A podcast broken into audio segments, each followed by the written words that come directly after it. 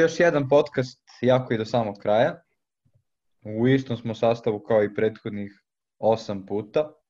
Ja sam Bogdan, sa mnom su Hans, Sloba i Miroslav, novinari portala košarka24.com. E, pričamo o košarkaškim aktuelnostima. Proteklog vikenda održan je finalni turnir Euroligi u Kelnu. Efes je najpre u polufinalu, polufinalu savladao CSKA, a zatim u borbi za trofej Barcelonu. E, F4 je u potpunosti obeležio tandem Vasa Micic, Shane Larkin. Naš play je nakon MVP, MVP priznanja za regularni deo sezone proglašen i za najboljeg na finalnom turniru. Hans, ti si odavno rekao da ovde nema šta mnogo da se priča i da Efes sigurno uzima Euroligu. Ipak gledali smo neke zanimljive utakmice, na kraju je i završnica sa CSKA bila neizvesna, naročito kad je Micić dobio petu lično. Kako si ti vidio ovaj Final Four, osim što ti je sve bilo očekivano? Pa do, ja sam bio ubeđen da će Efes da pobedi, jer nekako ono, ajde sad to svemirska, ova, kosmička pravda, prethodna sezona i to, ali jednostavno oni kada su zdravi, kada su u ritmu, stvarno su najubedljivije ekipe, ono, igre najbolje imaju, mislim, Barcelona koja je možda i na papiru jača ili da kažemo neki isto kvaliteta, nije važno, nijednog trenutka nije bila toliko dominantna kao što je Efes bio skoro cijele prošle sezone i ono jednom delu ove sezone kada su uhvatili kontinuitet.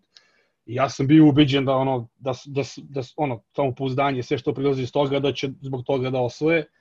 Mada zaista one dve utakmice, ba u stvari sve tri protiv Reala po, nakon 2:0 su imale te neke one shvatljive padove kada se oni odlepe na 15-20 razlike, što se desilo onda i protiv CSKA i onda onako ste, da kažemo, navijačke strane, da sam ja kao izabrao njih, nije mi bilo baš sve jedno. Ali eto, nekako su uspeli. Ja mislim da je Micić mnogo više obeležio turnir nego Larkin. Jer, la, ovo nije njegov... da, da, pa Perić je najviše obeležio. ali, ove, ali ovo, ovo, ovo nije Larkinova sezona, zato što nije mogao da uhvati ritam. Ja, možda je po neku utakmicu odigrao da, da je ličilo na prethodnu sezonu, ali ipak on mnogo promašaja koji su svako za njega nekarakteristični. Mislim, ok, ali mogu se puzdaju njega na kraju da će dati bacanja i šta znam, da ide na prodor kada treba da se, uđe, ono, da, da se izvuku penali ako ne ide ovako napad, ali opet možda je Bobua dao bitnije koševe nego on ako gledamo sam taj klač moment protiv CSKA. Da, da, naročito protiv CSKA. Ovaj, pa protiv Barcelone su, izbegli su baš toliku dramu, ono, nije, nije, bilo je neizvesno, ali iz, protiv CSKA je bila veća drama, mislim, realno. Ovaj, ja slažem se da je Perić ovaj, obeležio F4 i sa, i sa onim pevanjem sa Vasom Icićem i s tim što je nosio ono Partizanove, Zvezdine, Dukserice, Majce, Kalemegdan, Jugoplastika. Jugoplastika, da, ono, čovjek je promovisao ovaj, jugoslovensku košarku maksimalno. Da. Ovaj, sve u svemu, e, jedino što sam rekao, ako interno kod nas, naravno, mnogo je drago što je Efes osvojio sam ja kao bio sam u pravu. ovaj, kao, ali bilo mi je žao Higginsa, kakav je ono igrač, brate, znači, baš šteta, brate. Za njega mi jedino bilo žao. Pa da, to finale je onako bilo baš napeto, iako nije bilo možda neizvisno kao Efes CSKA, e, međutim treba istaći i to da se u polufinalu uh, Kalates povredio Barceloni i da je on finale igrao onako prilično povređen, to se i videlo.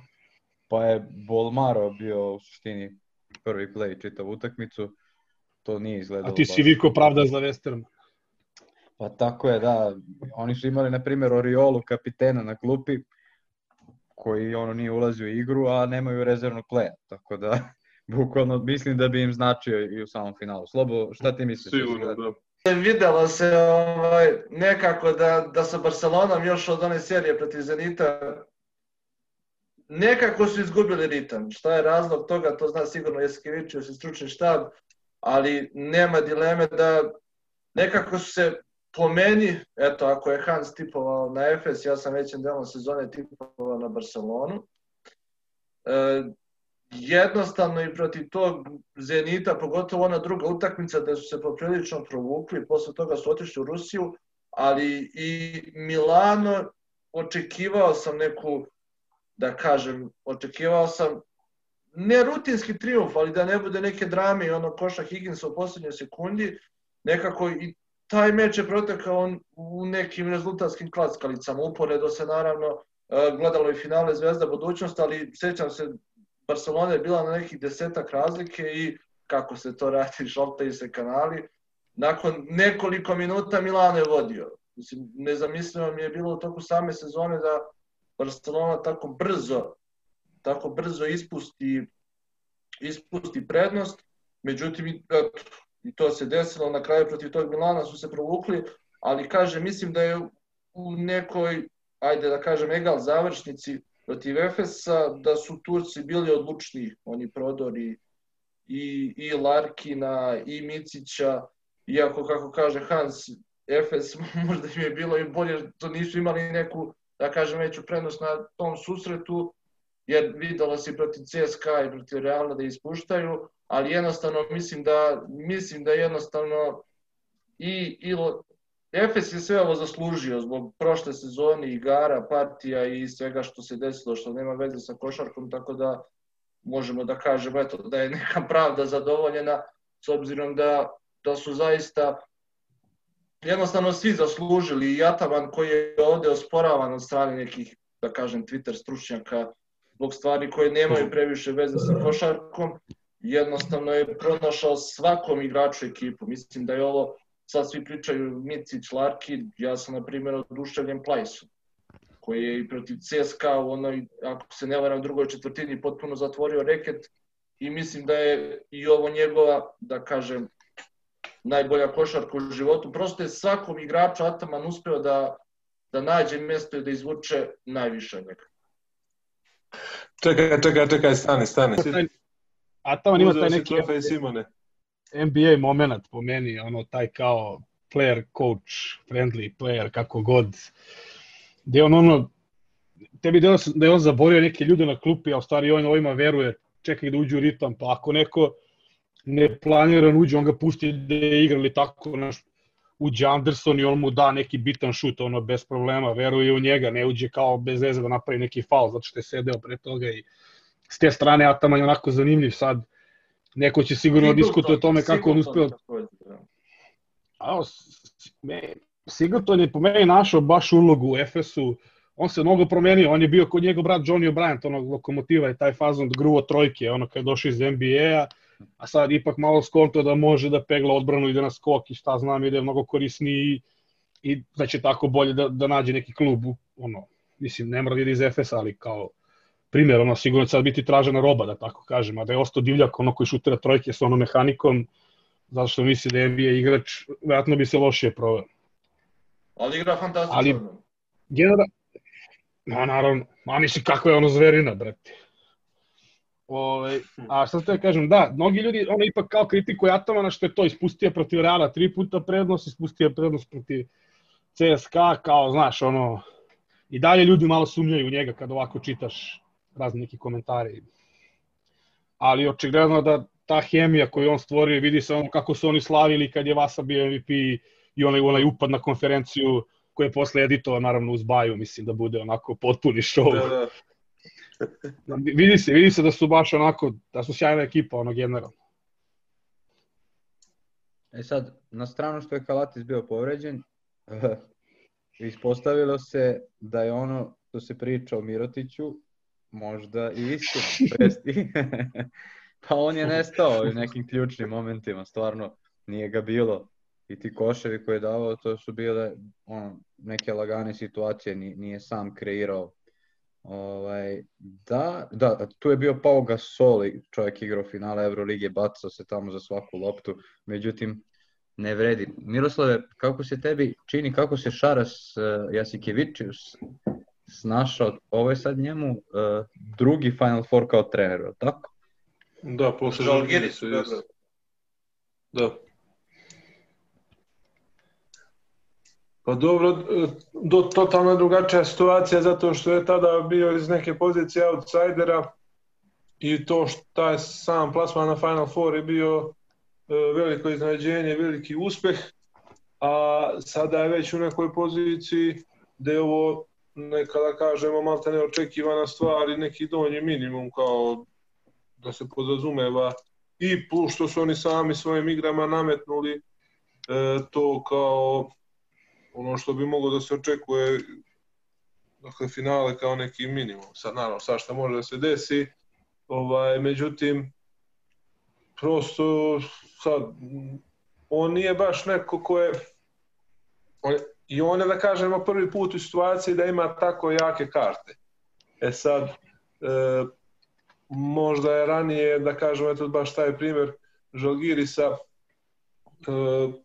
više izvlačio iz nekih igrača, malo igrao na tu kartu iznenađenja, a sada možda malo nije uspeo da uklopi ovaj igrače u smislu da na, budu najbolji kad je najpotrebnije, konkretno Mirotića. Sad kako je voditi sve takve igrače, to je svakako izazov sam po sebi. E, ne bih baš sad mogao nešto da sada pričam na kanali Mirotića zašto je podbacio, šta se desilo, da li je to do nekog odnosa, e, da li je to nešto do njega u smislu da e, u NBA-u neko vreme nije igrao takve utakmice, pa i tamo podbacivo je sad tu verovatno ima svega malo što, na čemu će oni sigurno raditi, pošto i Šaras ima taj dobar odnos sa igračima e, u smislu na, na ljudskom nivou, tako da ako je to neki problem psihe, e, verovatno ga lak, lakše mogu rešiti. Da, a, video sam baš danas neku vest da, da se Barcelona interesuje i za Marka Gasola. Tako da, da. oni sledeće sezone sigurno ovaj, u, u sledeću sezonu ulazi u barem podjednako jakom sastavu. Evo, to je, to je nešto što je sigurno. Vidi, Bogi, samo ako mogu, jesi Kevičius je dao neku izjavu da mu se neke stvari nisu svidele i da će se obratiti Euroligi. Ne znam na što se konkretno... Evo, ja kao neko ko kao navija za Barcelonu nisam video verovatno misli na suđenje, ali stvarno nisam vidio neke velike propuste ne, da je to uticalo. Na... Negde sam pročitao tu vest pre neki dan. Ma to je izjavio na konferenciji. A, to, to je još bilo vruće glave. Ovaj, može da kontaktira ovde iz ABA lige da mu objasne kako se pišu saopštenja kad je srećan. Ovaj. da se tačno targetira. Možda nije bio dobar smeštaj, da ti kratki kreveti. Ha, evo ga. Da, Abel. Berlin, ko zna kakav je hotel, realno. Kelm. Kelm. Kelm, da, izvinjavam se. E, ja bih samo dodao da eto sad nekako mislim da će se i Efes sad definitivno gledati drugim očima u smislu da su definitivno izgradili sebe kao velikana e, i kao neki stabilno jak klub posle nemalo 20 godina ulaganja velikih miliona, da kažem, ne možemo reći protraćenih, ali prosto oni su tako koncipirali timove skupa pojačanja e, NBA igrači, bivši treneri i tako dalje. I evo sad su konačno stvorili jedno jezgro koje će moći i sa nekim, verovatno i kad ode i Micić, imaće neka rešenja e, da ostanu na tom nivou i bit će zanimljivo eto svakako, znači oni su kao, kao, kao jedan velikan tu, kao ja klub u perspektivi. Sledeća sezona Barcelona je gladna, Real će isto tražiti načine, e, Fener godinu godina sledeća tranzicija još jedna, tako da bit će svakako Euroliga zanimljiva. Plus opet kad neko iskoči iz drugog plana, kao što recimo sada Armani, Bayern i tako dalje. Sad malo sam nešto raširio temu, ali eto, nakon to mi je neki utisak uh, što se tiče Efesa. Da, da, definitivno su sad, ka, zaslužili. Kako, kako, sad nasta, kako nastaviti sad priču? pa nema, to je to, rekli smo sve, svaka čast Efesu, potpuno zasluženo, svaka čast Vasi, Miciću, Atamanu, Tako da, mislim, najbolje dve ekipe su igrale u finalu. To je, to je zaključak neki. Uh, Mitiću baš svaka čast, eto, ba, baš, baš svaka čast, onako, eto, svaka čast. Dobro, što, to je to što se tiče Evrolige. Sa druge strane, sa druge strane, bare, u NBA ligi poznati su svi polufinalisti na istoku, to su Philadelphia, Atlanta, i Milwaukee Brooklyn, a na zapadu je nešto neizvesnije, to jest dosta neizvesnije, pa je za sada samo Juta prošla dalje. Uh, Miroslave, ajde dok sam još tu kod tebe, ništa od Niksa ipak. Kako, kako ti se činila ta serija između Atlante i New Yorka uopšte? E, pa činila mi se prvo je glavni utisak te serije bila ta publika u, u, u Madison Square Gardenu. To, to bukvalno ludilo ljudi koji su ono jedva dočekali e, prvo playoff košarku, drugo pre godinu dana snemalo je ta dvorana bila opterećena covidom i mnogo teškim i tragičnim scenama, e, kao i ceo svet, New York pogotovo, e, i sad posle godinu dana imaju priliku da gledaju tu vrhunsku košarku, play-off košarku, vrhunsku, vrhunski takmičarski događaj. E, pikirali su ovoga Treja Younga kao nekog protivnika. To mi se u početku onako bilo je zanimljivo e, sad gledajući iz perspektive ja da sam bio tamo. Mislim, u životu ne bi vikao fuck Trae Young, mislim, to mi nije, ne, ni, ja nikad, mi znate, Nisi ja ti taj tip. na utakmici, Da. pa to ne, ne bi ga To je do ja, tebe. ja vređam. O, Ja bi, a, Viko bi baš jako, bre. E, ali Viko bi recimo Trae Young Bolding, to je, to je onako ponica, mislim, nije toliko ni uvredljivo, mislim, ja sam ćelap, šta sad. A, a tek da ne pričam o pljuvanju, znači, pljuvanje za mene, mislim, pa go, udarac bi lakše podneo pesnicu u lobanju u odnosu na pljuvanje. Tako da stvarno to mi je baš ono neko dno ponašanja. E, verovatno ljudi nisu mogli da se iskuliraju u smislu tog veđanja i to. Malo me to podsjetilo na, na taj nek, to neko rivalstvo New Yorka Indijane 90. godina kada je Reggie Miller bio meta i evo na neki način e, ponovo je New York izgubio. E, oni jesu imali prednost domaćeg terena, e, sve to stoji, međutim definitivno ono što smo i mi pominjali i neki drugi ovaj ljudi iz medija, Atlanta je prosto gledano po veštini, talentu bolja ekipa. E, New York je nije imao prosto neki neko napadačkog arsenala onako globalno gledalno e, kako bi mogao da pripreti. Julius Randle se mučio, e, RJ Barrett testo isto prvi play-off.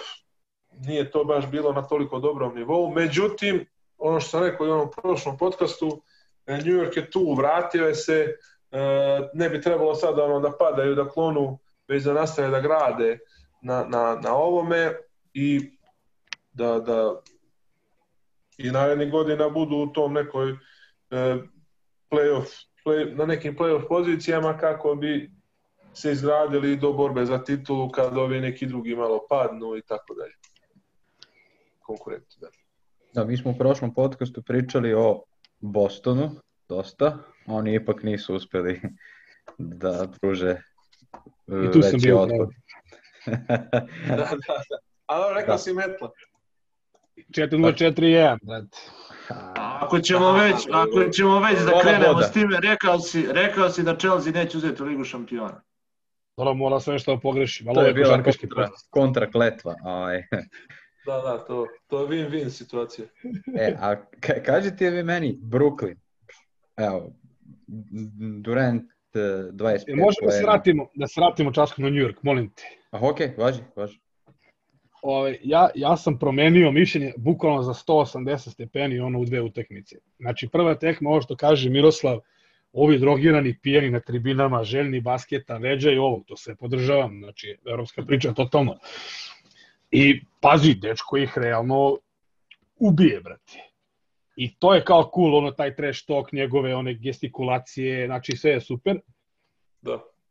I tako u fazonu i sad ne znam, kao Steven A, kao glavni predstavnik Nixa tamo i ostali u medijima, oni su kao to je to, kao vraćamo se, sve je super. Oni dobiju drugu utakmicu. Dobili su je samo zato što je to bila najgora šuterska utakmica Atlanta u seriji.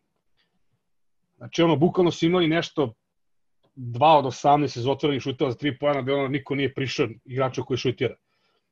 Sutradan, Niksi osvajaju titulu, to je kraj, znači to je kao kakav Trejan, kao usro se posle prve tekme, kako ga nije sramota, znači kao Niksi je najbolji tim ikad i bukvalno su im rekli ono, pošto Americi važi da su navijači Dallas Cowboysa ono na- najgora kao fan baza, a onda su i rekli, a to je zato što Nixa dugo nije bilo nigde, pa su ovi preuzeli kao primati, znači sad se sećamo kao ko je zapravo najgori. I stvarno to ponašanje, i Vukao Steven A. kreće da nabraja neke akcije kako Nixi dominiraju, i sad Max Kellerman koji ima ulogu kao zdravog razuma, pušta klip i kaže gledaj ovo, kaže pogledaj, sam čovjek maši, sam čovjek maši. Kaže Steven A. ne, to je contested, znaš ovaj kao 3 metra od igrača. I ja sam tu vidio koliko, ja sam vidio tu koliko su oni ludi, brate, koliko to sad ono, koliko je to pre, ono, prevršilo svaku meru. Mislim, ja sam Da, navio da. za Atlantu iskreno zbog Bogdana, ono, najviše pre svega, ali onda kad sam vidio to koliko su, pa, u stvari to je bila najgora utakmica tada gde su se svi raspali, oni galinari najviše, Da. ali onda, ali sta, u stvari šta je ono talent što smo pričali, znači tačno se vidi da Atlanta bolja ekipa i oni su imali prostora kao da naprave, aha, sad ćemo, ne znam, sklonit ćemo Bogdana sa Rose-a, pošto Rose ga ubija, on će da pređe na Bereta, neka rokada on, Nixi nemaju prostora da naprave nikakvu rokadu, ništa, ono, bukvalno, i čim, su, čim je ono Macmillan tu malo nešto ispremeštao, ono, ove, ove ajde, poslednja utakmica nije bila toliko ubedljiva, ali one dve u Atlanti, to je bilo na polovremenu, da znam gotovo. Da, a Atlanta osim što je ofanzivno toliko potentna, imaju trenera koji je sjajan defanzivac, ono poznat podbrani, tako da to je... A, a imaju ono što se kaže mesa, mislim, da se dole skuplja kad se Randall zaleti da udari u zid i to. Može li Atlanta sa Filadelfijom? Ja mislim da može. I kako je Samo ja sa Embiidom? Pa ali ja očekujem od njega on između 30 i 50 bacanja po meču da šutira u toj seriji. Da. A kažite mi sad za Može, Brooklyn. Je favorit, da.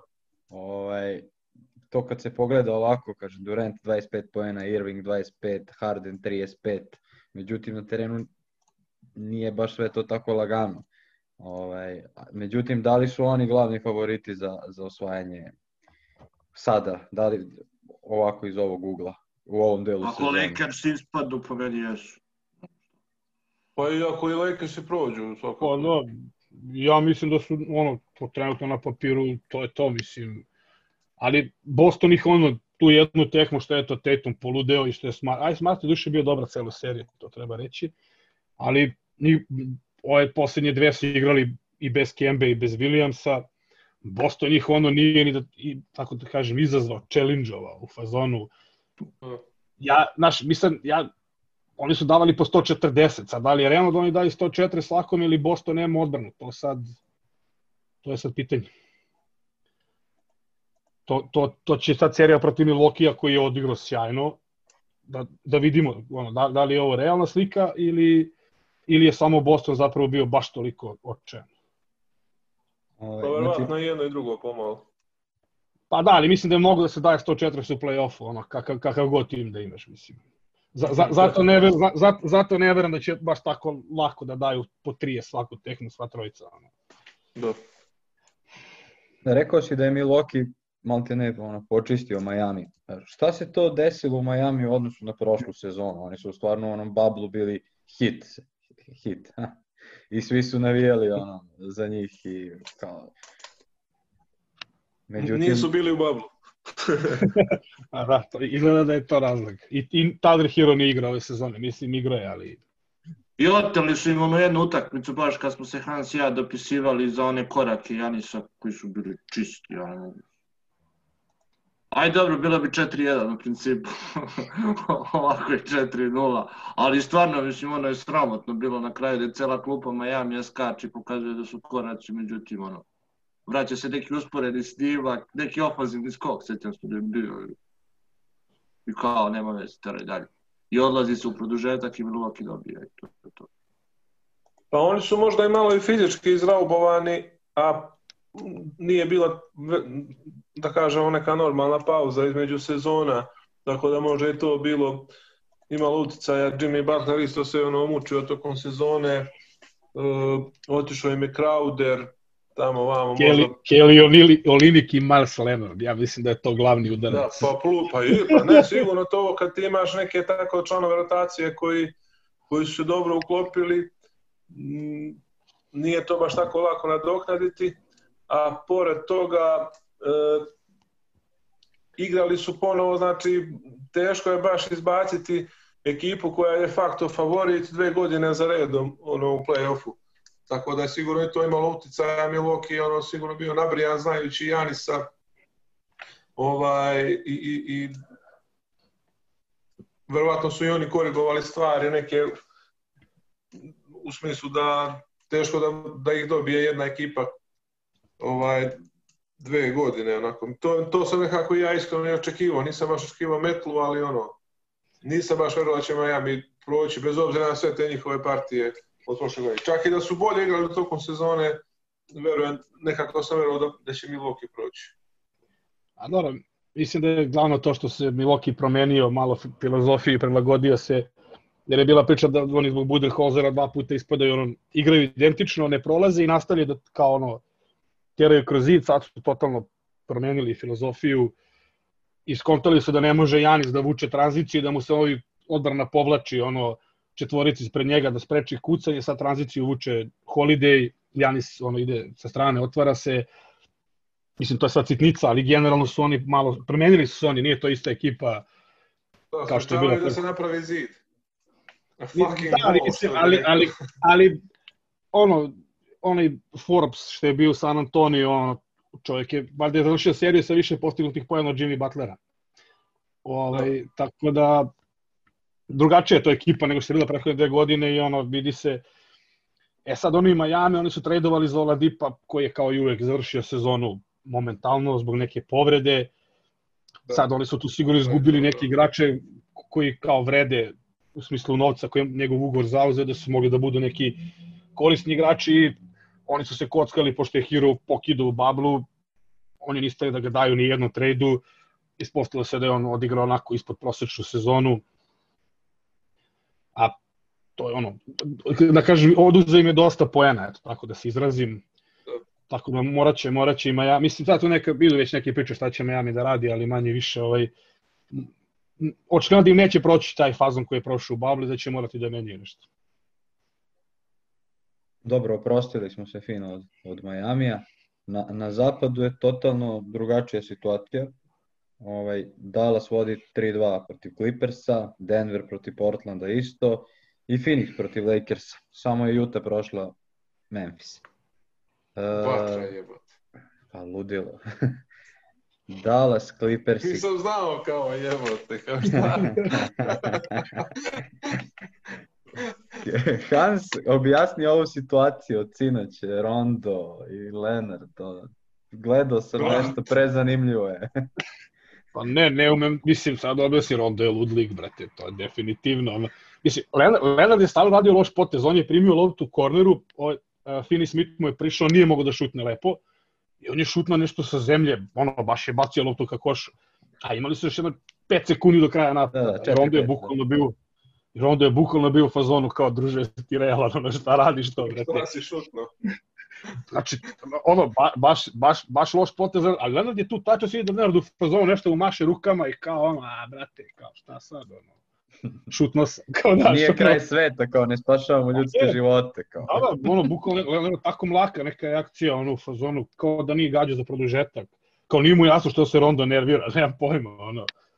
Vidi se da Leonard nije, nije nije ta glava koju si očekuje da će onda bude, znaš, ono, kao taj neki vođa u, ne u smislu samo kao da, u igri, nego i taj neki, kako se to kaže, glas je slačionice, da, kao glas ekipe, šta god, ono, kapite neki, da kažemo, evropski. Da. Ali... A baš su bili brzoplati da onom napadu kad su stigli na 101-100. Mislim, baš je neko zasrljao, sad ne mogu da se setim, ono, bila je serija, tako 9-0. Terence, Terence Mann je ukrao loptu i sam je vuko kontru i bukvalno je bacio airball na polaganje, otprilike, tako nešto. Baš je zasrljao, ali važan napad, mislim, to, to se sad gleda malo ono kao neki iskusni evropski trener, verovatno bi im otkinuo glavu za ono, mislim. Takvim igračima, I, i, i, I tu je onda bio Zubac, ne znam ko još i nekako im je Hardaway Junior oteo skok među svima njima Da, da, da, bila je neka gužva ispod koša i to je možda i najvažniji moment serije. Mogu li Clippersi da odgovore, šta mislite? Mogu, sigurno, mislim. Od, od, ja mislim, jedino kako bi Dallas bio siguran je da Dončić može da igra na 48 minuta na 100%.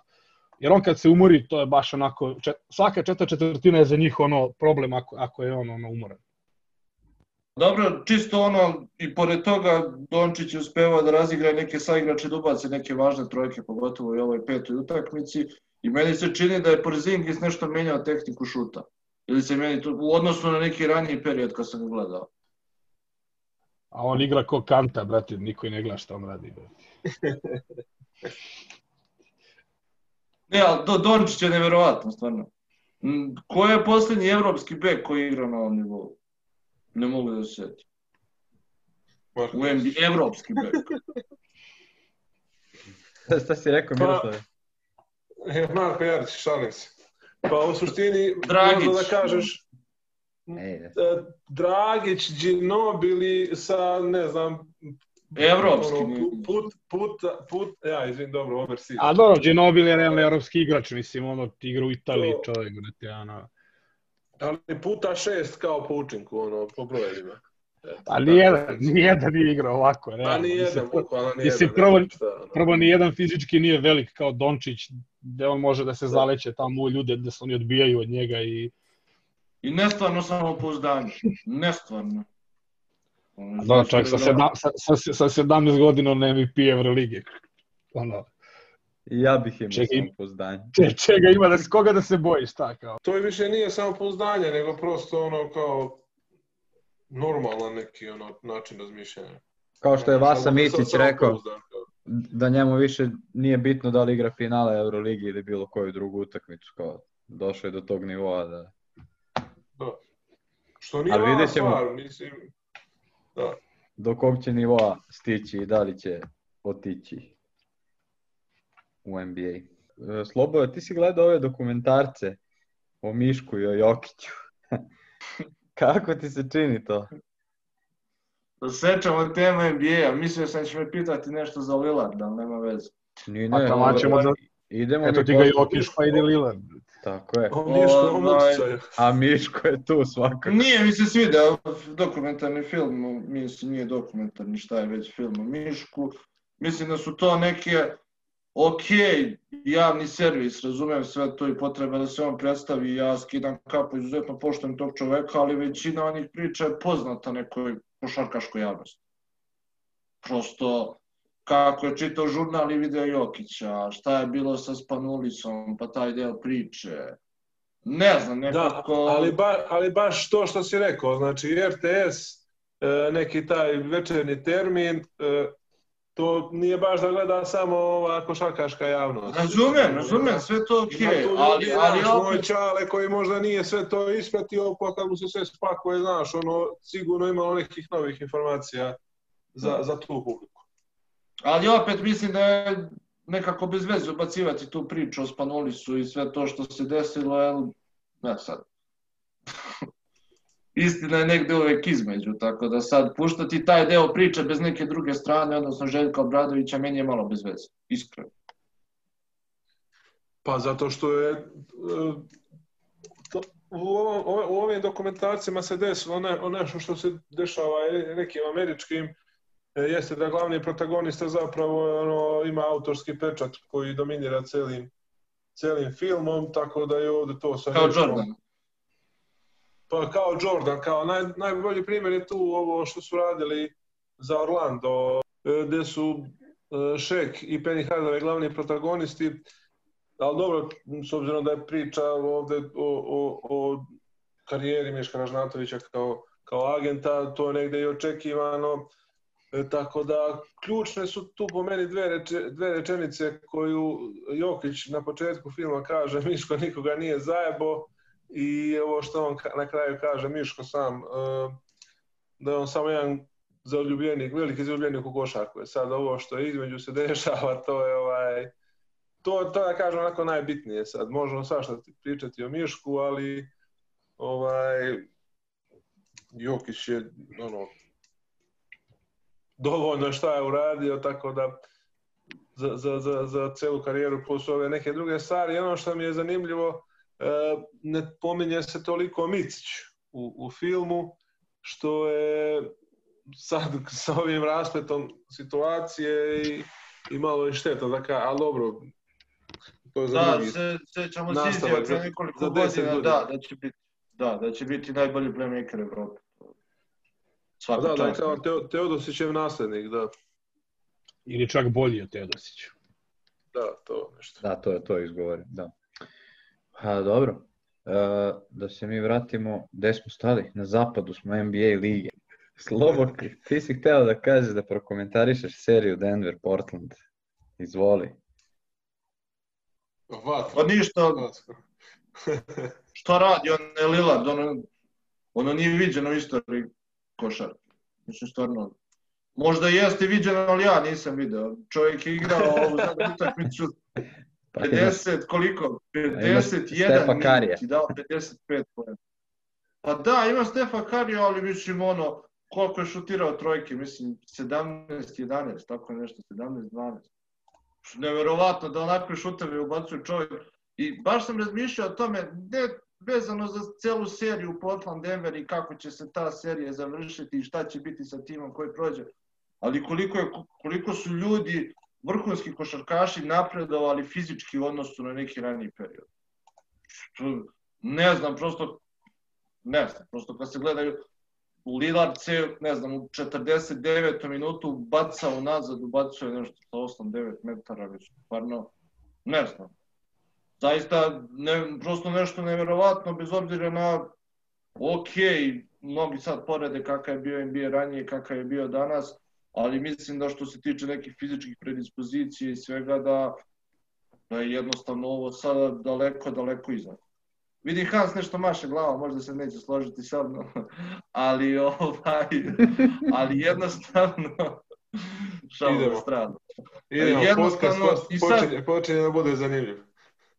Ovaj, naravno, kad je Hans rekao malo prije, navijamo i za Jokića, i za Bogdanovića, i za sve, ali meni je zaista uživanje gledati Lillarda i pratiti njegove highlights i poteze i bila je ona serija tweetova gde su se oglašavali jel tako, i Durant, i Green, i ko je sve pisao na Twitteru, čak i Curry, eto, kojeg si malo pre pomenuo.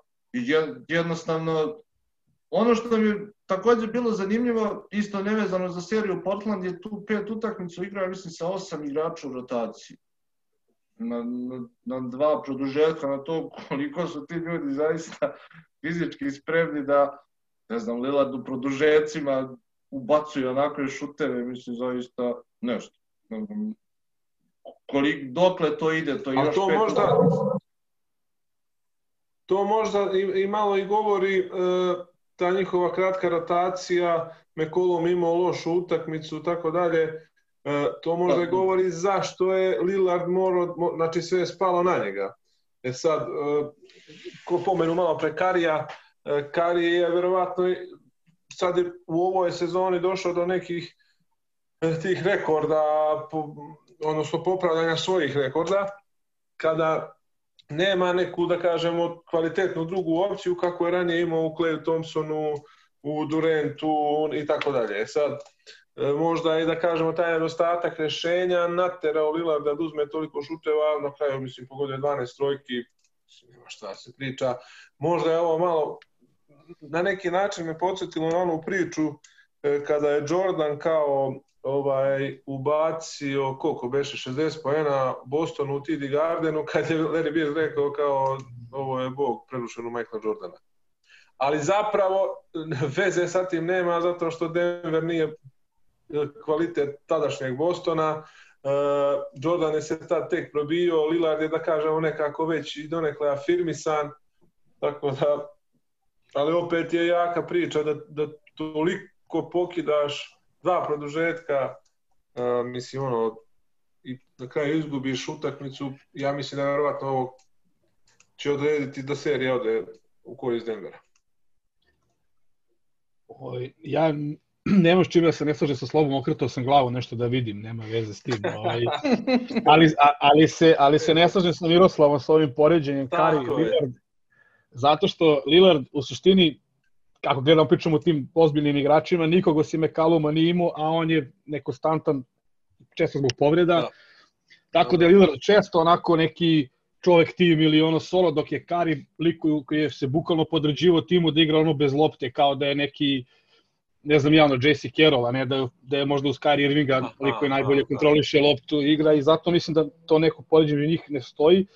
Ok, Da, za ovu da, sezonu jasno. se slažemo, za ovu sezonu se slažemo apsolutno, ali mislim da ove sezone Kari više ličio na Lillarda nego na sebe, da, da, da se tako izrazim. Mhm. Ali mislim da generalno, os, osim tih baš dalekih trojki gde su njih dvojica ono, bukvalno van svake konkurencije, mislim da se ovako solidno razlikuju. Ali ova serija je mnogo luda zato što ima samo tri konstante. Jedna je Jokić, druga je Lillard i treća da je Enes Kanter najgori odbranbeni igrač na svetu. Sve ostalo, ti, buk, ti, ti bukalo ne znaš ka, kako će da igra ovaj Porter Junior, da će da da 30, da će da da 2, ono, a šutu će isto koliko i kad daje 30, nema on problem s tim da kaže "E, danas mi nije dan, dodaću, znaš, ono, nema dodavanja, brate. I, I sve je tako, nekako, ono, čudne su ekipe i, i njihove serije, ono, uvek mora da idu neko ludilo. I ja mislim da će biti sedam utakmica, iskreno. I nadam se nekako, baš i ono, zabava je, brate. Da li bi lakše bilo Denveru sa Marenom? To sigurno. Pa, sigurno, mislim, to im je ono kao drugi najbolji igrač u suštini. Da, ali su u kontekstu Lila, da kažem, da li bi on mogao da... A Da do, čuva, misliš to? ma ne verujem, ovaj je lud, brate, ne može njega niko čuva kad krene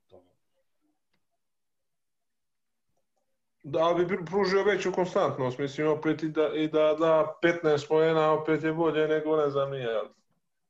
Nešto što je... Da, da bi možda 15 ranije, ranije možda završili...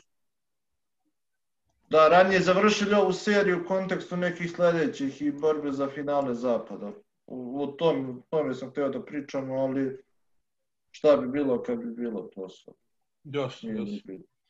Da, posljednji par na zapadu, Phoenix, LA Lakersi, eh, 3-2 je za Phoenix, eh, u Lakersima je povređen Anthony Davis i to je sasvim druga priča u odnosu na to kad je on tu, tako da ako on ne igra, ja mislim da se ova serija bliži kraju. Ne znam da se, evo, Hans klima glavom, o čoveč. A problem je što, ali problem je što se i Chris Paul povredio na, opet na 35 razlike. Brate. A ovi su, vidi se koliko je njima bitan i sa jednim ramenom im je bitan da bude na terenu, da ono, da, da ga slušaju. Ako ne, on je pravi lider ove ekipe. A za Davisa se apsolutno slažem. Mislim, prvi poraz u prvoj utakmici Davis je bio katastrofalan. Drugi poraz Lakersa, on se povredio na, u prvom polovremenu. I treći poraz nije igrao uopšte. Znači, očigledno da je on najbitniji šraf u ovoj seriji. Mislim, ja, kažemo, Lebron je konstantno dobar, ali ne može on sad sam da uzme i da nije Phoenix neka, ne znam kako, ono, zadutala ekipa u playoff, nego su ozbiljna ekipa, ona, talentovana. Da. Tako da Lebron sigurno ne može sam da uzme da, ne znam ja, 80 pojena, 20 asistencija i kao treba mu Kad podrška. je A, Lebron, poslednji, kad je Lebron poslednji put ispao u prvoj rundi play-off? Mislim, kad je ušao play-off. Je li ovo kviz počeo ranije? evo ga, si spremio to Da. pitanje, ono, jedan, Raz, ne, ne, ne, ne, razmišljam, razmišljam sada kad je Hans spomenuo. Ja, ja, mislim, ja, ja mislim da mu je ovo prvi put u karijeri da je izgubio dve vezane utakmice u prvoj rundi play-offa. Tako da, Pa ne znam kad je Ipak prvi put imamo neku triviju. Da, da. Ali kako je Phoenix, Da. ljudi, spreman za ovaj play-off? To je nevjerovatno. Znači, to se videlo to- po ovoj poslednjoj utakmici. Oni kad su krenuli da ih gaze, oni ih gaze. Znači, ne dozvoljavaju im da bi pomisle da mogu da uhvate neki priključak ispod 20 razlika. Znači, oni ih gaze da je moglo da bude 70, ja mislim da bi bilo 70 razlika. Pa to je ono što je ekipa koja ima pokazala kvalitet u finišu prošle sezone s onom serijom u bablu i plus na to jezgro dodaš e, neosporan kvalitet i vođstvo pola, a pritom ovi su ispovređivani, tako da ako nema Davisa, to je ne, to je, to je kraj, a ako nešto može da se vrati, bez obzira ako Paul izostane, e, mislim da ovi prosto mnogo, mislim, mnogo ovima fali Davis da bi mogli na nešto drugo da se ostane, a ovi možda nekako bi mogli da, se, da izvuku još jednu pobedu bez pola. A, ja sam danas baš gledao ove kao američke medije, te analitičari, to otprilike svi se slažu da Lakersi imaju šansu bez Davisa, jer kao nema šanse da, dobro, Šuder je imao nula poena čovjek. Calder Pope nije imao nula, ali, isto, ali bio baš očajan. Ovaj, oni se prilike slažu kao da ti, kako, kako role playeri, recimo, da igrači uloge, da mnogo bolje igraju kod kuće i da će oni da pogode te svoje trojke, da Phoenix u suštini neće moći da se odvoji kao u ovoj posljednjoj utakmici i da će onda kao LeBron da napravi prevagu, da otprilike to neki scenario koji nas čeka, sve i da ne igra Davis. A onda je bitno njima da li će Davis snag hoće treba igrati u sedmoj utakmici i za to već kao nisu sigurni ko će Just. proći. I otprilike svi se slažu negde u, u imaju istu, istu, istu tu teoriju, vrte skoro svi. Zanimljiv mi je učinak ovog Camerona Payna iz Phoenixa. Zato što lik je baš ono isplivo, dokazao je kvalitet i evo je sada u play-offu, a lik je ono, ja ne znam da se sećate kad je bio u Oklahoma, čovjek je bio poznat po tome što je Bruce Blade i igra sa Westbrookom, ono njegov ono kao plesni partner. Mislim da je izašao neki, izvini, izvini, ostavi. A plus su ga, ja mislim, i i da ga je Chicago nešto otpisao kao da su rekli, ono, na prvom treningu se videlo da on nije ovaj nivo. E, da, to sam te da mislim, kažem. Da, da, da, da, kao, posle dva treninga smo videli kao lik nema pojma, kao u fazonu. E, ali pazi ovo, e, on je imao, neki, imao je, da kažemo, neki pedigre zato što pre nego što je e, ovaj Ja Morant bio na Murray State-u, on je na tom koleđu isto igrao i imao neku ulogu koju imao Morant. E, igrao na neki sličan način i tako dalje, je bio vođa ekipe, tako da ono bio je na neki način Morant pre Moranta. E sad, to malo je se bio izgubio, ali evo ga ovde u pravom sistemu e, pokazuje kvalitet. A Chicago definitivno nije ono pravi sistem. Trenutno. Da, Pogotovo i u, tim, u tom momentu kad je bio tamo. Da, da, to apsolutno. Rođe smo ja mi, mislim, morate, preporučujem da ukucate klipove eh, Cameron Payne, Russell Westbrook dancing, mislim, to je, znaš, šta rade ljudi, mislim, ono, ja. Nemoguće. ok, prošli smo sve parove u suštini, pratit ćemo dalje šta se dešava, sad ide ono najbolje. A sada se vraćamo na naše terene. E, večeras je, znači mi ovo snimamo četvrtak veče, ovaj, Partizan je uspeo da izjednači protiv Mege. Ovaj, vidjet ćemo da li će, ko će, ko će proći dalje. E, Hans, kako ti komentariš ove dve utakmice koje su odigrali Partizan i Mega? Šta ti je najjači Pa ono- utisak? Pa neka nervoza i to neko da kažem, Ovako, do- dosta, gru, dosta nekako, a, grubo nije pravi termin, ali ima tako nekih prilijek poteza, nervoze, prozivanja i nekako ono ima, kad igrači napravi neki dobar potez, ono, svi se nešto da iskoristimo taj kolokvijalni termin lože i, a, a opet nekako samo takmičenje, na, o, nekako se nemaš osjećaj da se, da se oni bore za ne znam šta, ali ne, da li, ljudi, možda ljudi želeli košarke, oni su igrali dva meseca, nemam pojma, ali, ali mislim da, ne, da kvalitet nije to to, ali ta želja i ta to loženje, ta nervoza onako daje daje neku draži, ono možda je ovo neko po meni, ili ono navijačko jedno neko finale, pre finale, su ove dve ekipe tu negde i jure se, krljaju se, ja mislim da nijedna ekipa nema šanse protiv Zvezde u finalu i da je onda ovo kao neki vrhunac sezone za, za obe ekipe u tom smislu ono takmičarski da kažemo ono jer zaista ono Megi je negde sezona krenula izbrdo posle kupa Partizana je krenula sezona izbrdo kad je počela. Ovaj tako da pa dobro ajde da kažemo imali smo malo nade da će nešto možda kao ostaje Šćepanović, ostaće sistem, tako su svi vrteli tu priču, ali to se nije desilo. I zaista onako, mislim, mega na papiru čak, pogotovo što Partizan nema Tomasa, koji je na kraju ABA lige bio najbolji igrač. Ono, Šta Mika se je dešava zaista... s njim? Jel on može... A sve te povrede su nešto misteriju Partizanu, oni samo tako napišu na, na, na Instagramu, kao, e, brate, povredili se svi, kao. Kao u fazonu, sad ćemo da povučemo igrače s pozemica i sad ti momci nisu trenirali s ekipom, dođe Drexler, povredi se i on. I pff, šta znam, ono, Ali mislim, mislim da je se Tomas, Tomas je se povredio u Čajetini, e, bukvalno u drugom minutu, e, mislim nema problem sa zglobom. E, pa, o, mislim, ne, ne, posle ne, ne, toga, ne, ja kažem, mislim da više ne igra. ne, ne, naravno, ne, ne mislim ja da sad on, da je tu neka ono neka teorija Da se zavere. ne nešto, zna nego šta je bilo, jasno. Jednostavno Partizan to, kao baš, ne, baš neozbiljno pristupaju tome. Ovaj, ok, naravno ne možeš ti nikada znaš, ali ne, nema nikakve procene, da, znaš kakav je plan, ono, ako ti se planaš da juriš titulu, tebi je valjda bitno da će najbolji igrač da ti bude spreman za finale, mislim. Ovaj, ali sve u svemu onako zanimljive su utakmice i puno dobrih poteza, ono prva utakmica kucanje Kazalona preko Dangubića, pa sve dečko što je došao iz Slobode, Stepanović, Mhm. kucanje preko, pet, kucanje preko Petruševa, ono, posteri baš pravi, ono, mislim, onako nekako Dragan Milosavljević igra sjajno, što je ono uvijek dobro videti. Pogotovo da da dođe šut, po kome ni nije da kažemo toliko poznat, ali ove serije sjajan i ono nekako da kažemo preuzima odgovornost, vidi se da je jedan iskusnijih igrača Stepića i sve o svemu meni je mega parti, u ovom odnosu snaga gde nema gde je mozga otputa u Ameriku koji nije licenciran uopšte za KLS i gde, gde, gde nema Tomasa zbog povrede i pritom i Pej se vraća Rovit i Jaramaz, to meni je mega čak možda onako i favorit, ne samo zato što ima prelaz domaćeg terena, nego ono mlada ekipa atletski, dobra bolja sezona u ABA ligi, ali eto Partizan nalazi neki motiv i zaista s te strane motivacije i ponašanja igrača i koliko im je stalo. Zato sam ja rekao da mi ovo kao finale, pre finale, ja negde ne vidim da će biti takve utakmice u finalu, jer mislim da je Zvezda zaista on toliko kvalitetnija i Zvezda je u ritmu takmičarskih utakmica i sad može da regeneriše ekipu ovim protiv ovih do, do finala, da tako kažemo, pritom vratio se i Kuriđa koji je njima jako bitan, a ove dve ekipe su imale pauzu od mesec dana i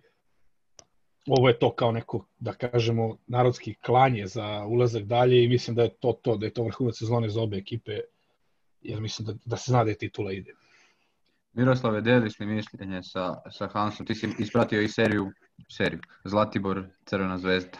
Specifična je serija bila, jer odigrali su se dve utakmice za dva dana. E, Zlatibor prethodno 40 dana nije igrao takmičarsku košarku od četvrtfinala ABA 2 lige, dok je Zvezda dva, da- tri dana, koliko već je prošlo, od, od teog finala ABA. Tako da, to je neka specifičnost po kojoj će se ta serija pamtiti i činjenica da Zlatibor e, treći put igra Super ligu i treći put igra protiv Crvene zvezde, sad prvi put u, da kažem u eliminacionoj fazi.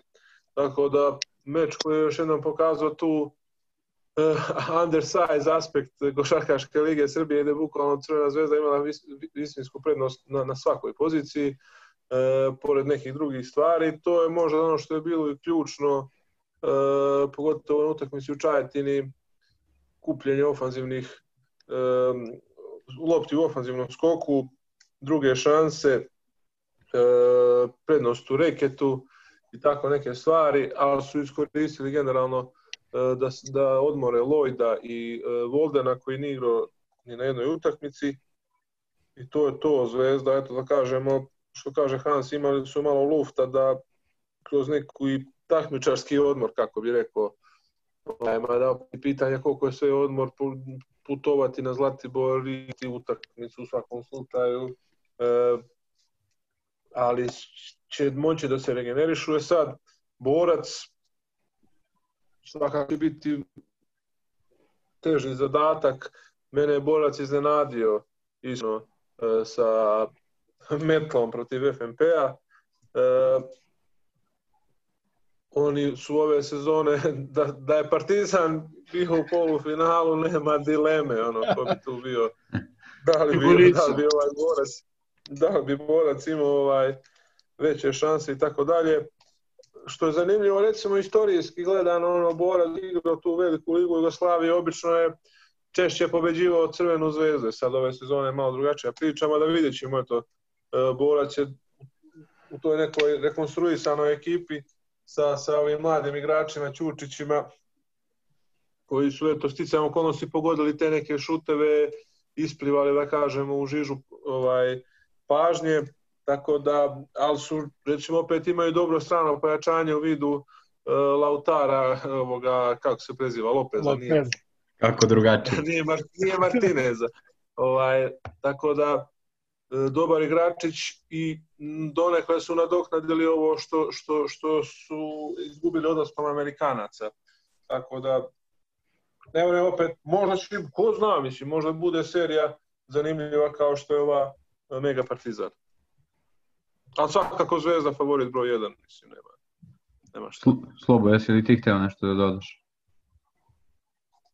Pa ništa, mislim da, ne znam, ne bih da budem nekako mračan, kritičan, ali opet ova Superliga me ne privlači previše, iskreno, zbog i samog sistema takmičenja i činjenica da se ne zna mnogo stvari, da jednostavno toliko se negde sad žuri da se sve to što pre završi, vidimo da je okupljenje reprezentacije već 12.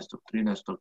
E, Malo pre Miroslav je pomenuo i taj borac, mislim da je borac jedini radi tu pravu stvar, promoviše neke mlade igrače, daje im i Marinović te važne šuteve protiv FNP-a, Zvezda će biti veliko iskustvo za njih i to je to, ovo ostalo manje više.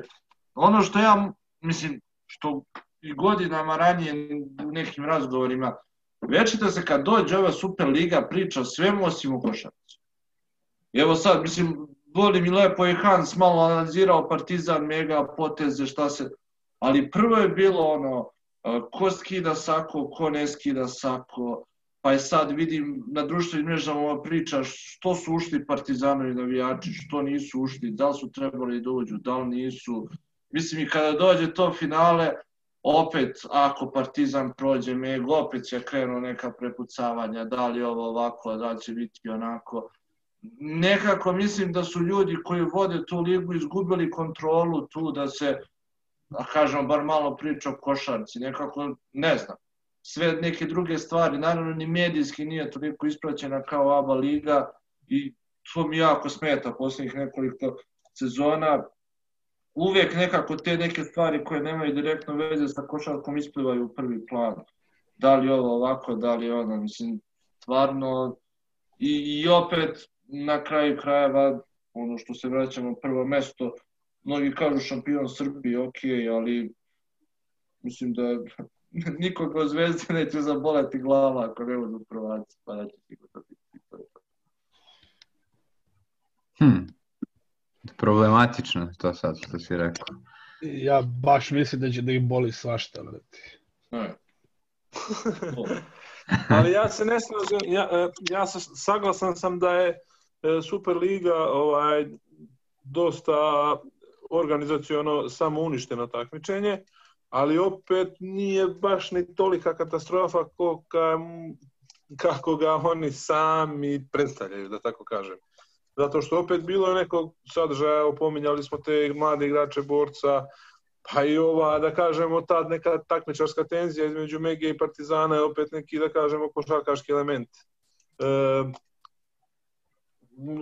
Zvezda gostovala u Čajetini, to je neki događaj i tako dalje. Ali seti se, seti se neki prethodnih godina, recimo posle Bilija Berona i oni koraka, tu utakmicu više niko nije ni...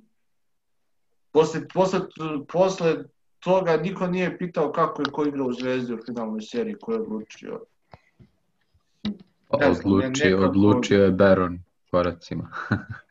Pa uopšte, mislim, ne znam. Ne znam, to je neko... Ali da, razumem mislim šta hoćeš da kažeš, da, da, najmanje se priča o košarci. kako, mislim, biće, biće, još, biće još gore u finalu ako bude Partizan Zvezda. I ova sad priča oko publike mi jako smeta. Ko, ko je, koliko hiljada ljudi je gde ušlo u halu, mislim. Prosto. Nemam dobro. pojma, u KLS-u ne sme da bude 25 ljudi u hali, sad kao ulazim, mislim. Totalne budalaštine, neki delegati, ljudi, nešto hoće da prazne hale, kažnjavaju kao nešto. Da li ima 56 ili 74? Eto, Hans pokušava priča o košarci, o lepim potezima, a ti pričaš o... Pa ne znam, to ne pričam ja, nego jednostavno, sad sam malo prečešljio neke portale kao koliko ljudi ušlo u halu sporta. A dobro, ali mislim, mislim da hala, da navijači u hali apsolutno nema veze sa Ligom Srbije i sa bilo čime. Mislim da je to na nekom političkom nivou, ono, kao neko, neko sagledanje rasula u državi, je to kao može da uđe ko hoće, ko je sve prekršio pravila, da li će biti kažnjen, to nema veze sa sportom, to je neki, mislim, ča- čak i ono, mediji koji to prenose, prvi koji je prenao, mislim da je bio N1 koji, ili Nova S, nebitno što kao apsolutno nije sportski portal. Drugo, i portali opet mogu, da kažem, ovi tabloidi da se bave time sada tu kao za, za podenu neku svađu među navijačima, ono kao svi ste isti, niste isti i tako dalje. Ali po meni ono što kaže Miroslav, glavna tema mi je recimo bilo to koškanje Zagorca i Petruševa koje se desilo da kažemo u žaru borbe ili zbog nečega što se desilo na terenu. Tako da to s jedne strane nije kao striktno košarkaški potez i vezano za to, ali je se dešava na Da, terenu. da, da, se- ali opet je to, da, to je parket. To je parket. Tako da mi je ono, ja sam iskreno, ja se slažem da je ova liga, eto da kažemo, samo uništena, kako je Milosa lepo formulisao, i ja sam pozitivno iznenađen što je ovim ljudima toliko stalo, da, znaš, ja, ja sam očekivao da će tu neki ti momci idu na draft, neki su se tek izašli iz povrede, zato će tražiti novu sredinu, mnogi su na spisku reprezentacije, borit će se za mesto, ja nekako iskreno ne bi se iznenadio kao da su oni bili to, aj sad mi ćemo to da odigramo protokolarno, otprilike, ni ako gledamo objektivno, niko od njih nema tu neke šanse da se domogne titule, međutim, evo, taj žar me, baš me iznenadio pozitivno i zato, zato sam ono baš ispratio ovu seriju, da kažem, s nekim uživanjem, iako sad kao sama igra, sad da tu neko zagleda, možda ne bi bio zadovoljan, neki, ali borbeno stvarno na vrhunskom nivou i pritom desi se ti dobri potezi s vremena na vreme koji su onako nesvakidašnji za ja se još nećem da je bilo, u dve utakmice recimo bilo toliko zakucavanje tih nekih da kažemo postera u Superligi Srbije. Da, pomenuli ste nekoliko puta ovaj spisak reprezentacije.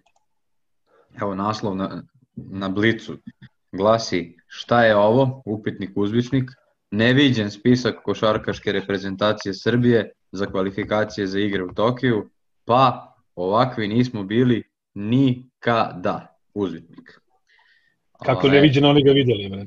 Eto, još su stavili ovaj, ozbiljan naslov. A, ka... Dobar je spisak, nema tu šta, ima tu sad dosta igrača. E, da, upravo si Slobo 12. juna se, je, je prvo okupljanje, to je za desetak dana već. Šta kažete na spisak? Spisak ko spisak, mislim, iskreno, uh, Spisak to je samo postoji. spisak. Kako, ka, to je samo spisak. Daleko je to od toga da vidimo ko, ko, će, ko će biti ovaj u, u, na kraju u, u sastavima i kako će to sve izgledati. A mislim od ranije je poznato da Kokoškov nema nikakve sukobe ni sa kim e, da nekoga nešto precrtava u ono. Tako da najjači mogući spisak mislim, to je to šta sad idemo dalje. Bukvalno spisak za ovo loženje u medijima da se skupljaju komentari, lajkovi i ostalo. Jer kao mislim na spisku je recimo Milutinov koji je povređen. Da na spisku su bukvalno svi ljudi koji mogu da igraju za reprezentaciju koji su ove sezone igrali u nekim ono relevantnim takmičenjima otprilike, mislim. Da, da. A, I Raduljić. Znači, pa dobro, ajde, mislim, nećemo sada pocenjujemo ni jednu premier ligu, ovaj, kako se zove, ali hoću da kažem ono, znači svima traje sezona, redko ko tu je kao sad slobodan odmar ili šta znam, znači ti bukvalno ne, ono, ko će se odazvati, u kakvo će stanju biti umor, da li će se praviti neki kompromisi u smislu neće moći da igra na turniru, priključe se kasnije ili ove To je će ključno. Kako će biti se kako će biti sa NBA ligom i njihovim pravilima, onim čuvenim koliko ne sa reprezentacijom, bla bla bla. Mislim, ovo je stvarno spisak, ja ne znam da fali ne, neki igrač ko, da, ono, da može nekom da padne na pamet, ovo je kao imao ok sezonu, a nije tu, mislim. Andjušić, Andjušić na spisku? Yes. Yes, A, yes. sam, pa, a i nije, a i on je onako solidno loše završio sezonu. Mislim, završio u ovom kritičnom delu Evrokupa i tako opala mu je forma jako. Da, dobro. Da podsjetim samo, uh, kvalifikacioni turnir se igra u dvorani Aleksandar Nikolić od 29. juna do 4. jula. Pored Srbije tu su još Italija, Porto Riko, Senegal, Filipini i Dominikanska republika. Pobednik turnira ide na olimpijske igre. Prvo okupljanje, to smo rekli, sigurni? 12. juna. Izvini, Bogi, je, jesmo u, u ovim na turniru sigurno bez Bogdana Jokića. Evo da. Pa, ne znam, ali ako smo mi bez Bogdana, onda Italija bez Galinarija i to je to. Galenari. Da. da. Pa i bez, da. pa i bez Bobija možda. Da. Možda. I Ajde, bez vidjet ali- ali- ali realno-. Koji god da je sastav, stvarno, bilo bi iznenađenje da, da Mora- ne, ne osvoji Da. olimpijske igre. Bez pritiska. Tako. Ne, nego da se ne stvori u medijima da to nešto kao, sad ćemo mi to lagano s obzirom Pa stvorilo se. To, jel, ovaj spisak, ne, ali ovaj spisak uh, uopšte nije, kako bih rekao, uopšte ne odgovara nekoj, nekoj jačini ljudi koji će se pojaviti u kvalifikacijama ako nema recimo Jokića. Da budemo iskreni. Mislim, Pa ne bih se složio, mislim ti ćeš opet i bez Jokića ćeš imati vjerovatno najjači sastav ako nema povreda, a sa Jokićem ćeš imati ekstra, ekstra, ekstra kvalitet. Ali mislim da nije realno da on igra kvalifikaciju turnir. ma nije realno ni za Bogdana. Pa za Bogdana sigurno znamo da je prošao sljedeću rundu play-offa, za njega baš nije realno. Ali Da, kao, jo, jo, je, jebote možda realnija za Jokića čoveče. Da. Dobro, ajde, vidjet ćemo, ovaj, što, kao što ste rekli, ovo je samo spisak. Tako da, Pisak je samo reč. i ništa više. Tako je. Eto, Nije došli to smo, neki Balašević. nije, to je čola. E, došli smo do dela, Još gore. ne znam šta će Sloba da kaže na ovo, mi smo ovaj, Šalim se, šalim se. ne šalim Ali se. pre, bi, pre, bit, ću, bit ću uz tebe u kvizu ovaj put protiv Hansa. Šta? Nema, ovdje smo svi protiv svih. Evo, došli smo do kviza, ja prepuštam reč Miroslavu. Omiljena rubrika naših slušalaca. šta, bi, šta bi rekao ovaj, apsolutni vladar Lige Evrope, good evening. da. Evo nas, špica za kviz. Ebening. E, Dakle, počinjemo odmah. Unaj. Znači, pravila su jasna. Imamo pet pitanja. Ponovo imamo jedno pitanje za publiku. E, pokrovitelj nam je košarkaški escape room, dakle basketball escape room koji se nalazi u Uzun Mirkovoj ulici u Beogradu u okviru specijalizovane košarkaške prodavnice Dunk Shop. E, dakle, pitanja su iz raznih sfera košarke. Osmislio sam ih mm, ja, Miroslav Jeremić, i počinjemo. Neka, da, niko. Do duše neka sam, dobro, pomenut ću to kasnije, ne, ne sam neka negde čuo, ali krećemo. Znači, pomenuli smo reprezentaciju. Nikola Kalinić je ponovo na spisku. A preko kog igrača je zakucao u osmini finala svetskog prvenstva Brusis. 2014? Brusis! Ja mislim. A jest. Bogdan. prvi. Bogdan, Bogdan, tačan odgovor. A bio sam tamo. Bravo. Lepo. Hvala. Lepa hvala. vremena. Prijatelju moj. U lepom društvu. Đavo ih odnio. Šta je sa emo pesmama? Idemo dalje. Hans, uozbilji se. Idemo dalje. Ovo je bilo A lepo. znate koga je zakucao, ali nisam teo doletim ovaj seljački fazon, brate. Galame. Eto, sad ispadu ih još. Ne sme čovjek ni pojem da osvoji. Ko je kapiten Efesa? E, Doguš Boguš Balta. Balbek. O, ovo je bilo. Da li jel me možda kasni? pogledaš snimak? Da li Miroslav, nekome, da li nekome kasni ovaj ton?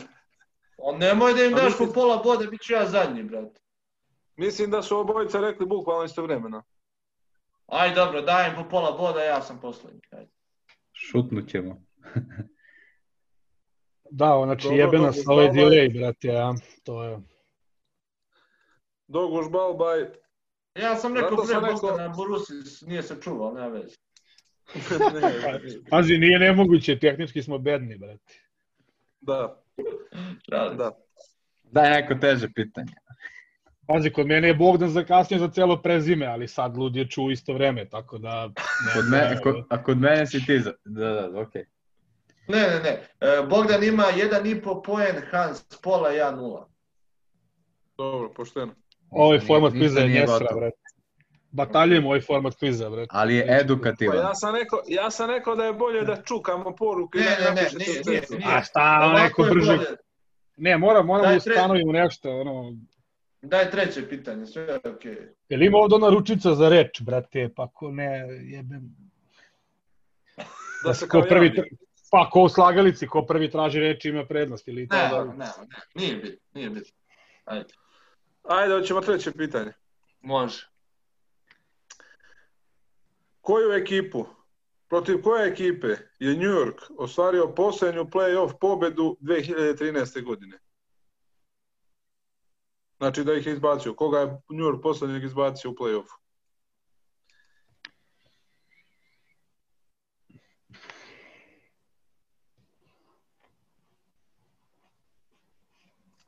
Jel nije zakovala tehnika, jel, ili razmišljate? Sve u redu. 2013. godine.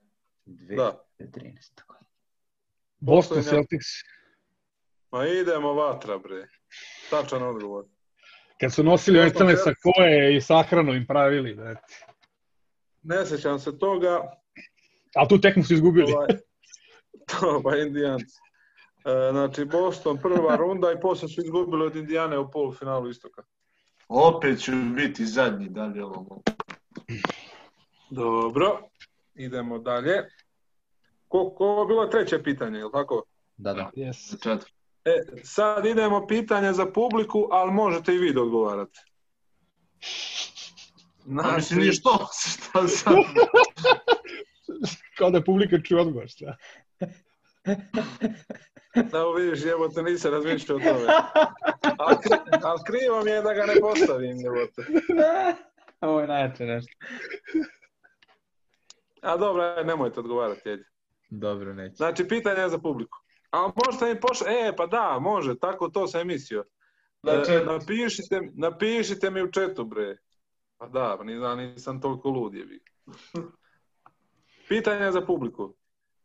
Ko znači pošalje tačan odgovor u našu Instagram grupu, to je stranicu košarka24.com, dobit će 20% popusta u Basketball Escape Roomu. A pitanje glasi, u koji klub je prešao Vasilije Micić posle Crvene zvezde? Znači, Micić je u klub posle Crvene zvezde, sezona, mislim, 2015. 16. Tako nešto. Mm, Tačno ste odgovorili vas dvojica, Slobo, šta bi s tobom? Ne mogu da se setim sad, nije mi već kviz. Bogdan i Hans su odgovorili tačno, obojica i obojica biju po pola boda. Kako Ne, sad to? Ne važi, ne važi ovo za nas. Pa ti Ne, si, nema bod. Dobro, Nema, ti si- bodova. ti si gori od Leona de Leona, ništa se ne zna pre početka kviza, brate. Znao znači što da kažeš. Ali, ali ti kako da ne kaže. I tako sam postavljen, brate, nemoj me kanaliti još više. Evo ti pitanje iz sa domaćeg terena. Pa ovo je četvrto, je li tako? Da. Yes. Koliko puta je Mega igrala finale Košarkaške Superlige Nula. Srbije? Dva. E, to sam ti rekao, brate. Tačan odgovor. Pa dačan. Nula puta. FNP je igrao dva puta, Hemofarm je igrao, ja mislim, tri ili četiri puta, a Mega još nije ušao u finale. I kako stoji, kako stoji tabela sam? Jedan i po jedan i po jedan. Tako je. Što znači da sve zavisi od posljednjih pitanja, jel tako? Osim ako ne bude po pola boda. Pa dobro, opet... Ali ako neko od nas dvojice podeli pola boda sa slobom, pobedi. Da, onda da. Da, pobedio, da, da. Da, Sve, sve imamo, scenarij, imamo scenariju da idemo u produžetke. ali nema E, ima Miroslav pitanje rezervno za- pitanje. Imam, imam, imam. O. Ima, ima, ima i rezervno ako suđe produžetke. Ali ja ispadam ako suđe produžetke. Slušajte, A znači, ako sloba, je du- ako sloba uzme bod, onda idemo u produžetke svakako, brate. Da. Ne, nije on Malo je dobija, on duže- dobija. E, on dobije, on dobije. On dobija, da, da, moja greška. Ako Sloba uzme bilo šta, nisu produžeci. Ajde da čujem. Ajde, A-. Te, te formalnosti, ajde, šta je onako, bitna su pitanja. Da, da. Pre nego što je ostavio trag u upravi kluba, pre trenerske karijere, pre duge i uspešne igračke karijere i pre nego što mu je na koleđu povučen broj kao najboljem igraču, jedan čovek je jedini ikada koji je izabran za All American igrača u srednjoj školi u tri sporta, u futbalu, bejsbolu i košarci. Ko je to? Danny Ainge. Danny Ainge, tačan odgovor. Brat tvoj. Danny Ainge razrešio dileme i spasio nas produžetak. Nećeš uzeti trofej, Bog da ne. Bog da ne. Čestitam, ali ovo je bilo onak zicer za Hans. Zato što sam dobar sa, dobar sam s mormonima, brate. Pa, da. Ih nikad, Danny Ainge, brate, naš. Dobro. Kakav čovjek? Hans bira pesmu. Da, što je dosta dobar scenarij. Znači nekog Balaševića. da. Da. Ok. To je to. Šta je, je Slobo tu ili je napustio, i revoltiran? Izgleda da je stvarno napustio. Bukvalno ne čuje se. Da, da, evo tu samo. je Nešto nam priča, brate. Kao, Priča da sam ga pokro. Kao, ja, ja, ja sam ga mutovo, kao. da, da, da. Evo, pomalo te čujemo. Čujete sad. Baš slabo. Ba- Ali u baš svakom loše. slučaju, ovaj, kao i obično, Miroslav će da odjavi emisiju. Emisiju? Šta da kaže? Odjavi. Hvala. Hvala vam na slušanju. E, možete nas, osim na YouTube, pratiti na raznim podcast pla- platformama, uključujući sajt podcast.rs. Ovo je bilo još jedno druženje i čavrljanje o košarkaškim temama. Ako nas je neko slušao do kraja i čuo ovo pitanje za kviz i Micića, znači pošaljite nam odgovor, ovaj, dobit ćete popust u Escape Roomu ili još nešto. Vidjet ćemo, ali uglavnom pošaljite nam taj odgovor. Znači košarka24.com Instagram profil. To je to. Uzrade i doviđenja. Ćao.